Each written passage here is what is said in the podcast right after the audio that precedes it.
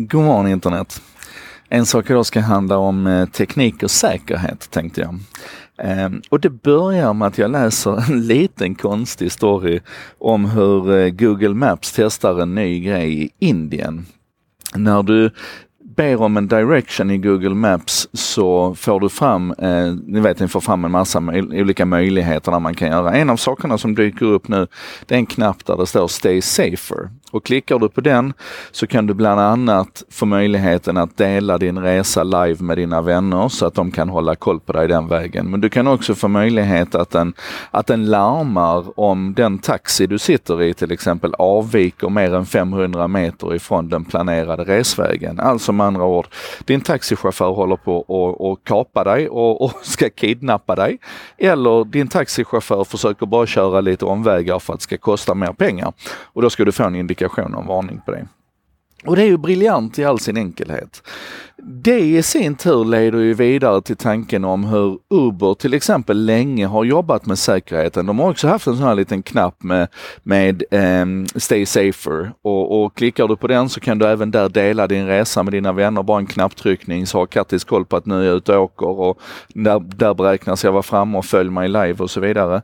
Um, men Uber jobbar ju också mycket mer med att, att vad ska man säga, hela konceptet runt omkring att använda digitaliseringen för att se till att den förare som checkar in i appen på morgonen med hjälp av ansiktsigenkänning verkligen är den föraren du ska åka med.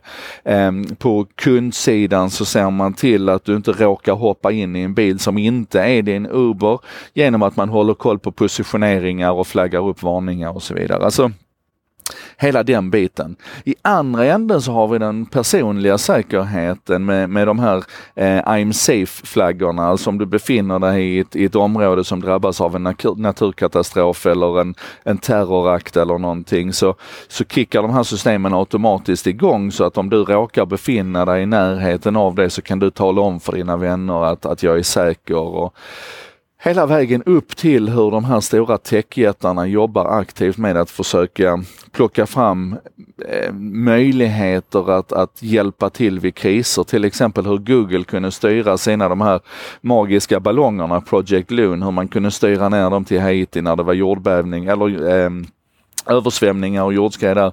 Så att man liksom kunde ersätta den förlorade kommunikationsinfrastrukturen med deras ballonger.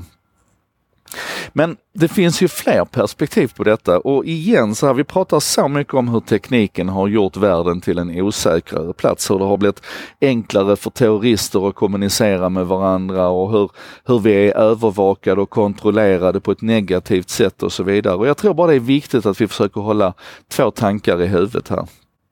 Eh, för, för, vi har ju liksom de här elementen också med hur tekniken möjliggör oss, möjliggör ett, ett mer kontantlöst samhälle till exempel. Och det där är förresten en diskussion som vi måste återkomma till någon gång. Den här kontantromantiken som flödar idag. Att åh, om tekniken går sönder så måste vi ha kontanter för att kunna, som om samhället, alltså systemtänk så dina kontanter gör ingen nytta i ett samhälle som är uppbyggt på i övrigt.